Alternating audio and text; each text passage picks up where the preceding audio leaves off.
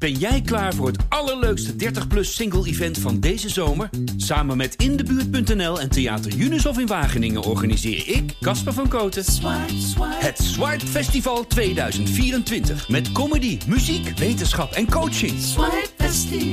Maar vooral heel veel leuke mensen. Bestel nu je kaart op swipefestival.nl. Swipe, swipe. Hallo, mijn naam is Pieter Klok. Ik ben hoofdredacteur van de Volkskrant en dit is een nieuwe aflevering van de Volkskrant Elke Dag. Een dagelijkse podcast waarin we de achtergronden bij het nieuws bespreken en vooral ook proberen te schetsen hoe de wereld op tal van terreinen onder onze ogen aan het veranderen is. En vandaag gaan we het hebben over de natuur, de erbarmelijke staat van de natuur en wat we daaraan kunnen doen. Dat doen we naar aanleiding van de biodiversiteitstop die op dit moment in uh, Montreal, Canada wordt gehouden, onder leiding van China. Daar gaan we uitgebreid over hebben met aan mijn rechterzijde Ben van Rij. Welkom Ben. Ben is buitenlandredacteur, maar houdt vooral voor ons eigenlijk de toestand van de planeet al jaren in de gaten. Hè? Uh, heel nauwgezet. Uh, je hebt ook vele reizen gemaakt om, om te, te schetsen uh, nou ja, hoe de planeet erbij ligt. Aan mijn linkerhand Jean-Pierre Gele, nou ook een instituut mag ik wel zeggen, jarenlang onze tv-recensent. Ja, je was de laatste die dat in je eentje durfde en, en hebt gedaan. Um, nou, inmiddels schrijf je alweer een paar jaar over de natuur op de wetenschapsredactie. Welkom ook. Um, uh, om, om, te beginnen uh, wil ik, Jean-Pierre, hoe, hoe, erg is het? Ja, het is wel tamelijk dramatisch als je de, de cijfers moet geloven. En ik heb geen reden om daaraan te twijfelen. Het Wereld Natuurfonds brengt iedere twee jaar een, rapport uit, Living Planet Report. En de laatste versie daarvan verscheen dit jaar. Daar was de inventarisatie dat 69% van de, in de afgelopen 50 jaar aan, aan soorten uh, wordt bedreigd of is uitgestorven. Dat is gigantisch veel natuurlijk. Ja. En dat, dan gaat het over dieren of alle soorten? Uh, alle soorten, ook planten, bomen, vissen, zoogdieren, vogels, alles. Dus, dus van alle soorten die er waren begin deze eeuw is, zijn er nog maar 30% ja. over? Ja, ja, daar moet je altijd wel een beetje kanttekeningen bij maken. Want wij weten niet hoe de biodiversiteit uh, 100 of 500 of een paar duizend jaar geleden in elkaar stak. Maar alles wijst er wel op dat er in versneld tempo ook nog eens uh, een enorme afname is. Ja. En dat is wel dramatisch. Uh, mensen die hier beroepsmatig mee bezig zijn, ik dus eigenlijk ook, die noemen zichzelf administrateurs van de achteruitgang.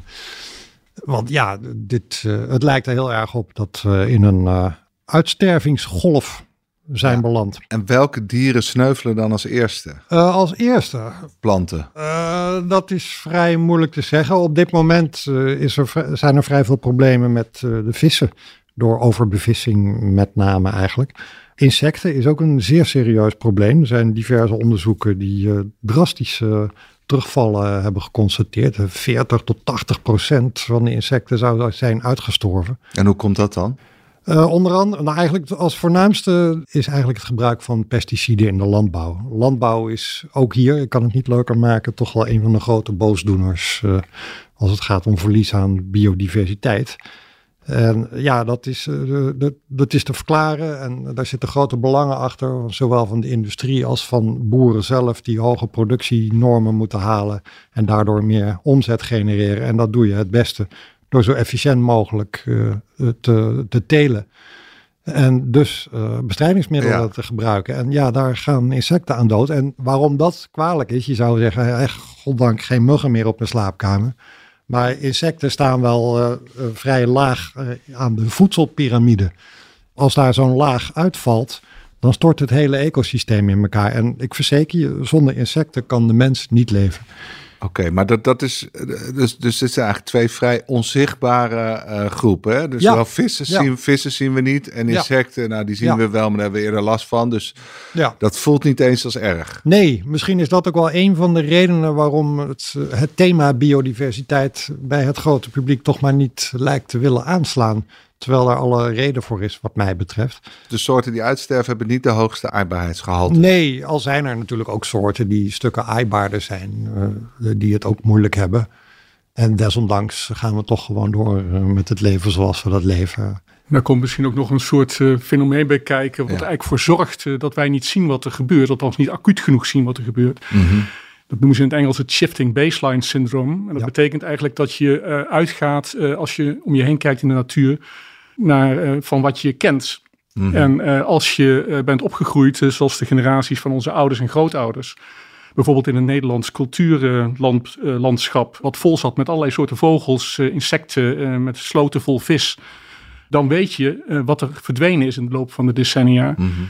Maar jongeren bijvoorbeeld, die die uitgangssituatie niet kennen, uh, die uh, kunnen dat met niks anders vergelijken. En die zien de laatste grotto en zijn dolblij dat ze een grotto zien. Die zijn blij dat ze een grotto zien, oh, inderdaad. En die, wist niet dat het, dat, die weten niet dat er bij spreken 20, 30 jaar geleden misschien wel 200 grotto's in die weilanden ja. zaten. Ja, maar kun je dan zeggen dat, dat, dat bij jongeren zit de pijn vooral in klimaatverandering? Want daar maken ze zich wel heel erg druk over. Hè? De opwarming van de aarde. En daar zijn ze ja. ook heel fel in, in hun acties. Maar, maar biodiversiteit is misschien eerder die pijn daarover, die voel je misschien eerder als je wat ouder bent. Verhoogt misschien de gevoeligheid, maar ik zou zeker niet willen zeggen dat jongeren zich niet ongerust maken of biodiversiteit. Uit alles blijkt dat ze dat wel degelijk doen en dat ze zich ook heel erg van bewust zijn dat zowel zeg maar, de klimaat als de biodiversiteitsproblemen natuurlijk allemaal te maken hebben met onze manier van leven. Ja. He, dat is uiteindelijk natuurlijk de basis uh, van alles. Uh, dat wij uh, deze planeet als het ware tot het laatste restje uitzuigen en ja. exploiteren. dat is de oorzaak van al onze. Dus, en daar protesteert ze tegen. Maar nog even, Jean-Pierre, je zei van Mhm. we hebben de landbouw genoemd als Ja. belangrijke factor. Vooral uh, als het over insecten gaat. We hebben Ja. de overbevissing genoemd. Op welke manieren beschadigt de mens nog meer die biodiversiteit? Uh, door uh, afname van leefgebied. Bijvoorbeeld, het bekendste voorbeeld is het tropisch regenwoud in Brazilië. De, dat, daar gaan iedere maand voetbalvelden van verloren. Ik zag toevallig gisteravond op tv nog een reportage over mensen die aan de randen daarvan wonen. Die zien al jaren geen apen meer, die ze hun hele leven lang gezien hebben. Ja, die verdwijnen natuurlijk. Maar in Nederland zie je het ook. Nederland bestaat voor 70% uit landbouwgebied. Uh, er komen overigens ook bossen bij, dat moet ik er dan wel weer bij zeggen. Maar het grote plaatje over de hele wereld is dat wilde natuur, als je het zo mag noemen, steeds meer uh, plaats ja, en sommige maken. soorten hebben gewoon leefruimte nodig. Als ze die niet Ja, hebben, gaan ze gewoon, sterven ze af. Of- Ja, dat ook. Dat ook. Ja, ja. Maar uh, woningbouw, landbouw, dat, dat vreet allemaal grond. Uh, eigenlijk de toename van de wereldbevolking aan mensen. Ja. De, wij hebben ruimte nodig en dat wordt dringen op de planeet.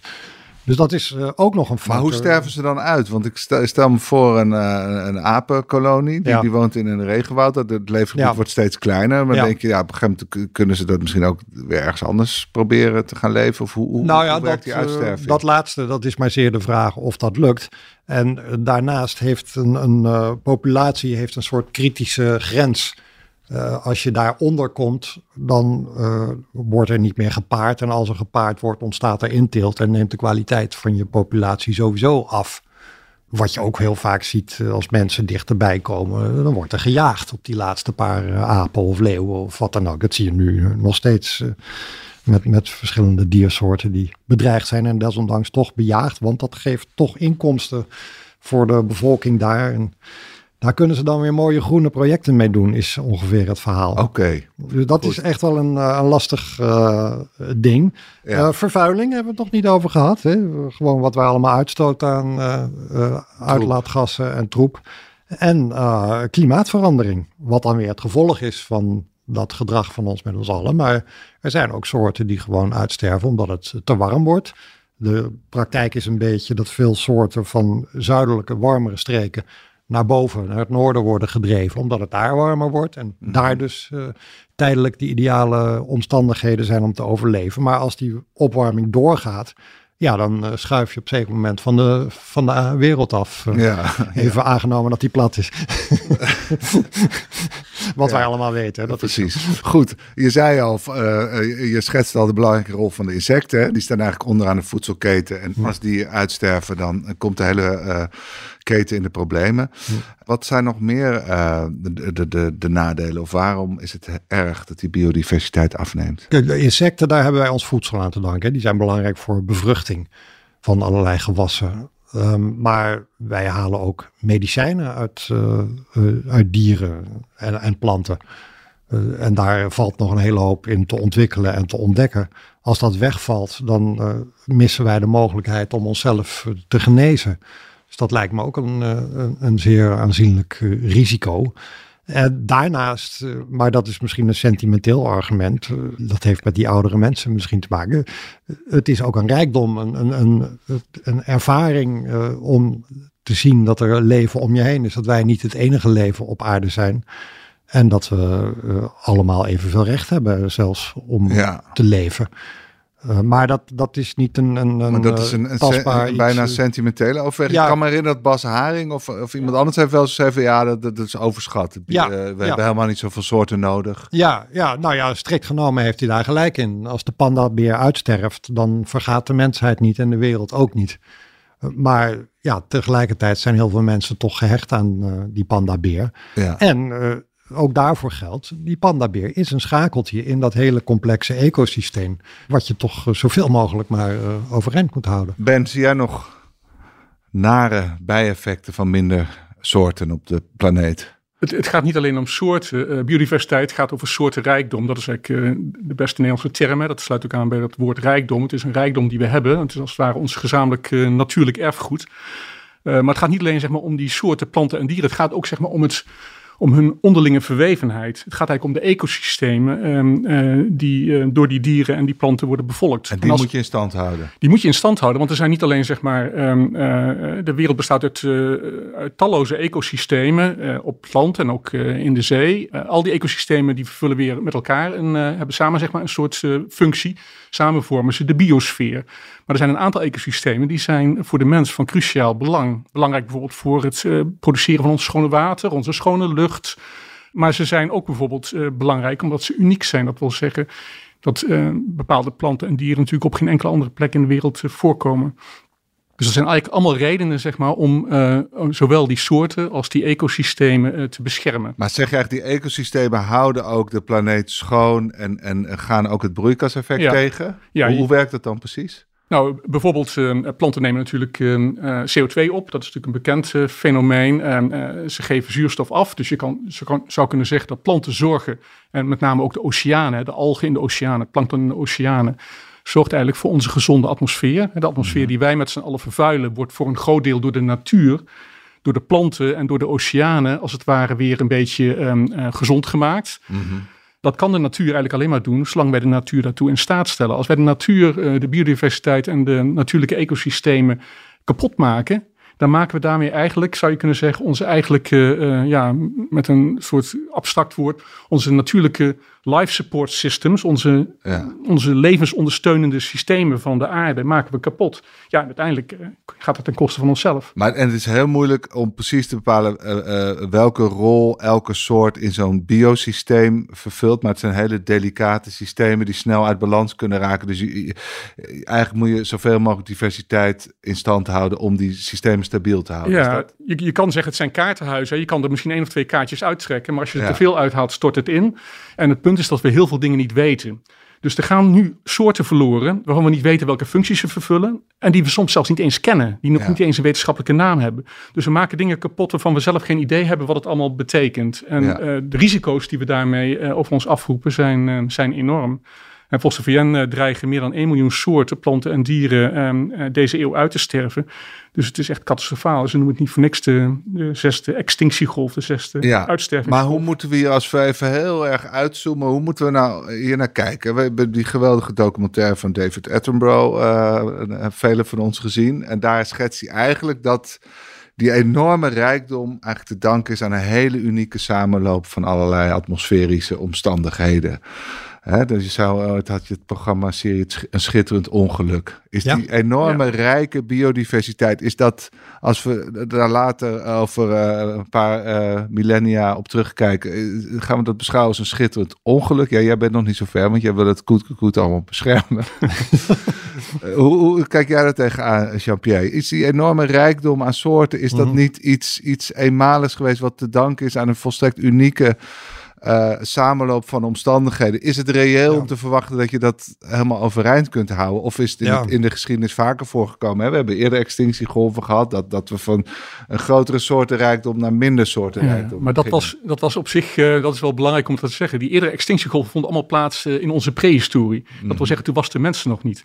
Deze extinctiegolf die wordt veroorzaakt door de mens. En het is nog nooit in de geschiedenis voorgekomen, voor zover wij weten, en, van de planeet, dat één soort als het ware, uh, het complete planetaire ecosysteem uh, in gevaar brengt. Ja. Dus dat is wel tamelijk uh, uniek en ja, uniek in de. Dus in wij de zijn er verantwoordelijk voor, voor het eerst. Volgens de wetenschap is, is dat het geval. Ja, Ja, oké. Maar ja, de, de, de vraag is dus wel, ehm, gaan we onszelf toestaan om eh, gezellig met z'n allen ten onder te gaan?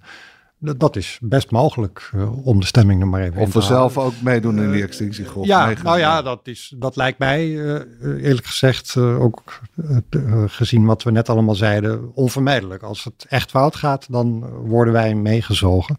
Maar je kunt je afvragen, ja, hoe erg is dat eigenlijk voor, voor de wereld? Hè? Je was aan het uitzoomen. Ja. Dus, het kan inderdaad zijn dat wij inderdaad in een nieuwe golf zitten waarin we onszelf in, in een kolk meezuigen. En dan zal de aarde nog steeds blijven doordraaien en er daarna weer anders uitzien. Heel goed. Voorlopig gaan we nog proberen de planeet te redden. Hè? Ja, dat was wel een klein beetje. Ja. de- En, en wat is daarvoor nodig? Wat, wat, wat moet er nu heel snel gebeuren? Eh, nou ja, zeg jij maar Ben, Eh, eh, er is een top. Het verschijnsel van die tops, die, die kennen we wel uit de media natuurlijk. Meestal kun je van tevoren wel voorspellen hoe dat gaat. Er zijn, worden wat goede intenties uitgesproken en aan het eind blijkt dat ze niet gehaald worden. Er worden wat compromisafspraken gemaakt en tien jaar later blijkt dat die weer niet gehaald zijn. En dan is het tijd voor een nieuwe top. Dat is een beetje het ontluisterende beeld eh, van, van hoe het zal gaan. Oké, Ben, doe ons het, het, Ja, het, het doe meest gunstige scenario eh, van de top in Montreal. Wat, wat is het belangrijkste doel en hoe, eh, hoe, hoe denkt de, voorzitter China dat te gaan bereiken? Die top waar bijna alle landen eh, van de wereld bij zijn aangesloten. Dat is, eh, dat is de top van de Conventie voor eh, Biodiversiteit van de VN. Bijna alle landen van de wereld doen daaraan mee, eh, behalve de Verenigde Staten overigens. Die zijn geen lid. Maar die moeten om de zoveel jaar een nieuw akkoord afsluiten over de bescherming van de biodiversiteit en de natuur, zou je kunnen zeggen. En wat er nu op het programma staat, is ze moeten een nieuw akkoord afsluiten voor de periode 2020-2030. En vooruitblikkend naar uh, uh, het midden van de eeuw, 2050. Het akkoord moet eigenlijk behelzen uh, een aantal doelen om de achteruitgang van de natuur te stoppen. Het kan van alles zijn. Dat is zeg maar van het terugdringen van pesticiden tot het schrappen van schadelijke overheidssubsidies. Bijvoorbeeld voor de ontginning van, van regenwouden, om iets te noemen. Tot het instellen van nieuwe beschermde zones. Nou, er zijn 24 van die doelen. Daar zijn ze al jaren over aan het bakkeleien. Die top zou in 2020 eigenlijk gehouden worden in Kunming, China. Vandaar dat China ook de voorzitter is. Maar door corona is het allemaal uitgesteld. En, uh, een paar keer zelfs. En uh, nu wordt het in Montreal gehouden omdat de VN-conventie in Montreal is uh, gevestigd. Het belangrijkste doel zou je kunnen zeggen van Ja. dit akkoord. Van iedereen hoopt dat het een zo krachtig mogelijk akkoord is. Is dat er in 2030 30% van de aarde, zowel van het land als van de zee, een vorm van bescherming zou moeten genieten. Dus een soort natuurreservaat, beschermd gebied zou moeten zijn. Dat is nu ongeveer uh, de helft uh, voor wat betreft het 15 land. procent Ja. van de wereld is beschermd en dat moet verdubbelen. Ja, dat moet verdubbelen inderdaad. En uh, bij, waar, waar, het gaat zeg maar, om zee en oceanen moet het zelfs verdriedubbelen. Dat is zeg maar het symbolische doel waar deze top om draait. Is dat, is dat belangrijk? Uh, dat is zeker belangrijk, omdat uh, we weten zeg maar, dat beschermde gebieden, uh, daar doet de natuur het beter dan in niet beschermde gebieden. Zo zeggen, Ja. dat, is, dat is logisch. Maar op zee betekent dat er niet meer gevist mag worden. Een van de problemen waarom het gaat, is dat onduidelijk is wat die bescherming dan precies inhoudt. sommige landen willen totale bescherming. Dat wil zeggen dat wanneer je een stuk zee beschermt, dat er inderdaad ook niet meer gevist kan worden. Andere landen zeggen, er mag niet meer gevist worden door industriële vissers. Uh, hè, zeg maar, dus door de grote, de grote kotters van, uh, van Mhm. de West-Europese landen, bijvoorbeeld ook Nederland. Maar bijvoorbeeld wel door um, kleine vissers die daar aan de kust wonen. Uh, met hun kleine bootjes en hun kleine netten. Dat mag dan eventueel wel. En andere landen willen een veel grotere, veel ruimere um, uh, openstelling voor economische activiteiten. Nou, dat is een van de dingen waarover dan geruzied wordt. Ja, maar je hebt dus twee onderhandelingen. Eerst welke gebieden precies en hoeveel gebieden. En dan nog hoe ga je met die gebieden om. Ja, en welke gebieden komen in Nederland en wat betekent dat voor Nederland of Europa? Nou, dat is ook nog een, een, een kwestie waar landen natuurlijk niet over eens zijn. Uh, uh, het, het, het, idee is zeg maar dat 30% van de wereld, dat wil zeggen, um, je zou zeggen van de wereld als geheel, um, een vorm van bescherming krijgt. Omdat wetenschappers denken dat dat het minimum noodzakelijke is om de natuur en de biodiversiteit min of meer gezond te houden. Of liever Ja. gezegd weer gezond te krijgen. Volgens heel veel uh, andere wetenschappers zou het eerder 50% moeten zijn. Maar goed, het is een soort minimumprogramma. Maar 30% gemiddeld wereldwijd wil niet zeggen dat voor elk land ook uh, nadrukkelijk die 30% zou moeten gelden. Dat vinden althans veel landen, zoals Nederland. Maar bijvoorbeeld ook landen als Singapore, landen die relatief klein zijn, waar veel mensen wonen met veel economische activiteit, die helemaal geen natuur meer over Oké, maar elk land kan, krijgt een, een, een, een andere taakstelling. Nou ja, een van de manieren waarop je dit, um, dit probleem zou kunnen tackelen is door te zeggen, um, er zijn heel veel rijke landen met relatief weinig natuur en er zijn heel veel arme landen met heel veel natuur. Ja. Dus wat zou dan een goede uh, methode zijn? Uh, we zouden kunnen zeggen van rijke landen betalen arme landen om hun natuur te beschermen. Uh, landen als, um, als Colombia of Peru die zeggen, wij hebben heel veel regenwoud, waarom zouden wij ons regenwoud niet mogen exploiteren? Jullie Europese landen hebben al jullie eigen ja. bossen uh, in het verleden allemaal gekapt. Waarom mogen wij dat niet? Dat probleem zou je kunnen uh, oplossen door te zeggen van wij betalen jullie om dat regenwoud te laten staan. Want die regenwouden, die zijn natuurlijk uh, met name de Amazone, maar ook de Congo en ook in Zuidoost-Azië. Dat zijn natuurlijk longen van de aarde. En die zijn ja. voor, voor, de, voor de wereld van belang. En niet alleen voor die landen waar die, waar die regenwouden toevallig liggen. Gaat het ook gebeuren? Wat weet je van hoe, zijn, hoe is de voortgang op de top nu? Nou, de voortgang is, uh, is uh, slecht. Dat is deels altijd zo. Dat wil zeggen, al die toppen, VN-toppen, waar uh, bijna 200 landen bij elkaar zijn, die verlopen meestal volgens het standaard patroon. Eerst gaat het allemaal heel erg moeilijk. Dan moet het echt ongelooflijk bijna gaan klappen. En dan komen er misschien wat uh, partijen in beweging. Maar hoe komt dat? Is dat omdat de korte termijn altijd uh, domineert? Dat, ja. dat het toch, uh, het is de mens niet gegeven om in het belang van de wat langere termijn te, te, handelen? Nee, alle landen hebben natuurlijk enorme economische belangen. Al deze, kijk ook bijvoorbeeld wanneer het gaat om gebieden beschermen. Dat zijn gebieden waar mensen wonen, waar economische activiteiten plaatsvinden. Er liggen ja. kolenmijnen, er wordt olie gewonnen. Dus er zijn enorme belangen. en al die landen staan natuurlijk eerst en vooral voor hun eigen belangen. En uh, er speelt ook altijd zeg maar, een soort fundamenteel wantrouwen tussen rijke en arme landen. Dat is in de VN sowieso het geval. Dat speelt ook bij de klimaattoppen. Uh, waarbij um, de arme landen zeggen, ja, we zitten in de problemen door jullie zeg maar, onge, ongelimiteerde en dat, ontwikkeling. dat sentiment wordt sterker. Hè? Dat zagen we ook al bij de klimaattop in Sharm el-Sheikh. Dat, Zeker. dat eigenlijk uh, ja, minder welvarende landen zeggen betalen. Ja, dat is, het, uh, dat is nu ook het geval. Dat is een van de redenen waarom het nu ook op dit moment spaak loopt. Gisteren zijn een hele hoop ontwikkelingslanden zijn eigenlijk uit de gesprekken weggelopen. Uh, zijn in een soort staking gegaan. Want ze vinden dat de rijke landen, waaronder ook de EU, waar Nederland natuurlijk onderdeel van is, uh, niet genoeg bewegen, niet genoeg ja. bereid zijn tot compromissen. En een van de dingen waarom het gaat, is dat ze graag een, um, ze willen graag een speciaal fonds, een nieuw fonds waarin zo'n 100 miljard per jaar zou moeten uh, worden gestoken, uh, uh, waarmee rijke landen, arme landen kunnen helpen om die biodiversiteit te beschermen. Rijke landen hebben daar niet zoveel zin in. Er zijn al heel veel andere fondsen. Die moeten ook al heel veel betalen voor hun klimaat, voor de klimaatplannen. Ook van arme landen is nu het idee. dus die, die zitten een beetje, die werken een beetje tegen. En die hebben een ander probleem. Dat is dat die arme landen, daar zitten een paar landen bij, zoals bijvoorbeeld Brazilië mm -hmm. en China, die in de tijd dat deze toppen werden georganiseerd voor het eerst, um, uh, behoorden tot de arme ontwikkelingslanden. Maar die natuurlijk dat nu al lang niet meer zijn. Het zijn rijkere landen geworden, misschien zelfs wel rijke landen. En uh, ja, zeg maar het Westen vindt, uh, jullie moeten ook eens een keer gaan betalen.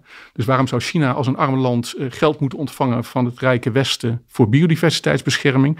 Als het zelf meer dan genoeg geld heeft. Nou ja. Oké, okay. dus het is uiteindelijk een best wel ordinair gevecht om geld aan het worden. Als je met mensen praat die op die toppen uh, gepokt tegen maas zijn, die zeggen het gaat uiteindelijk altijd om geld. Ja. En geld, dat, dat klinkt heel negatief, maar je kan ook zeggen geld kan ook uh, een middel zijn tot een oplossing. Ja. Dus heel vaak is het zo dat wanneer rijke landen gaan bewegen en een miljarden ter beschikking stellen, dat gaat overigens niet uh, alleen om 100 miljard per jaar, maar volgens um, de VN is per jaar in 2025 700 miljard nodig, alleen al voor, um, voor de natuurbescherming.